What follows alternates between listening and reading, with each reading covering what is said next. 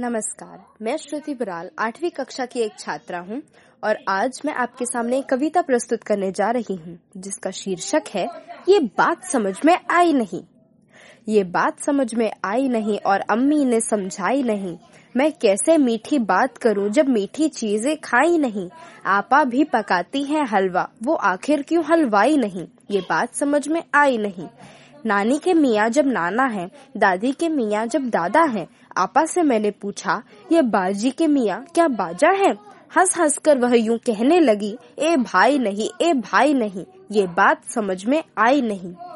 जब नया महीना आता है, बिजली का बिल आ जाता है, हालाँकि बादल बेचारा ये बिजली मुफ़्त लुटाता है।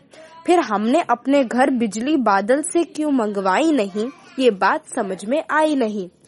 अगर बिल्ली शेर की खाला है, फिर हमने उसे क्यों पाला है? क्या शेर बहुत नालायक है, खाला को मार निकाला है? या जंगल के राजा के यहाँ क्या मिलती दूध मलाई नहीं? ये बात समझ में आई नहीं। क्यों लंबे बाल हैं भालू के? क्यों उसने कटिंग कराई नहीं? क्या वो भी गंदा बच्चा है, या उसके अब्बू भाई नहीं? या उसका हेयर स्टाइल है, या जंगल में कोई नाई नहीं? ये बात समझ में आई नहीं। जो तारे जगमग करते हैं, क्या उनकी चाची ताई नहीं? होगा कोई रिश्ता सूरज से? ये बात हमें बतलाई नहीं।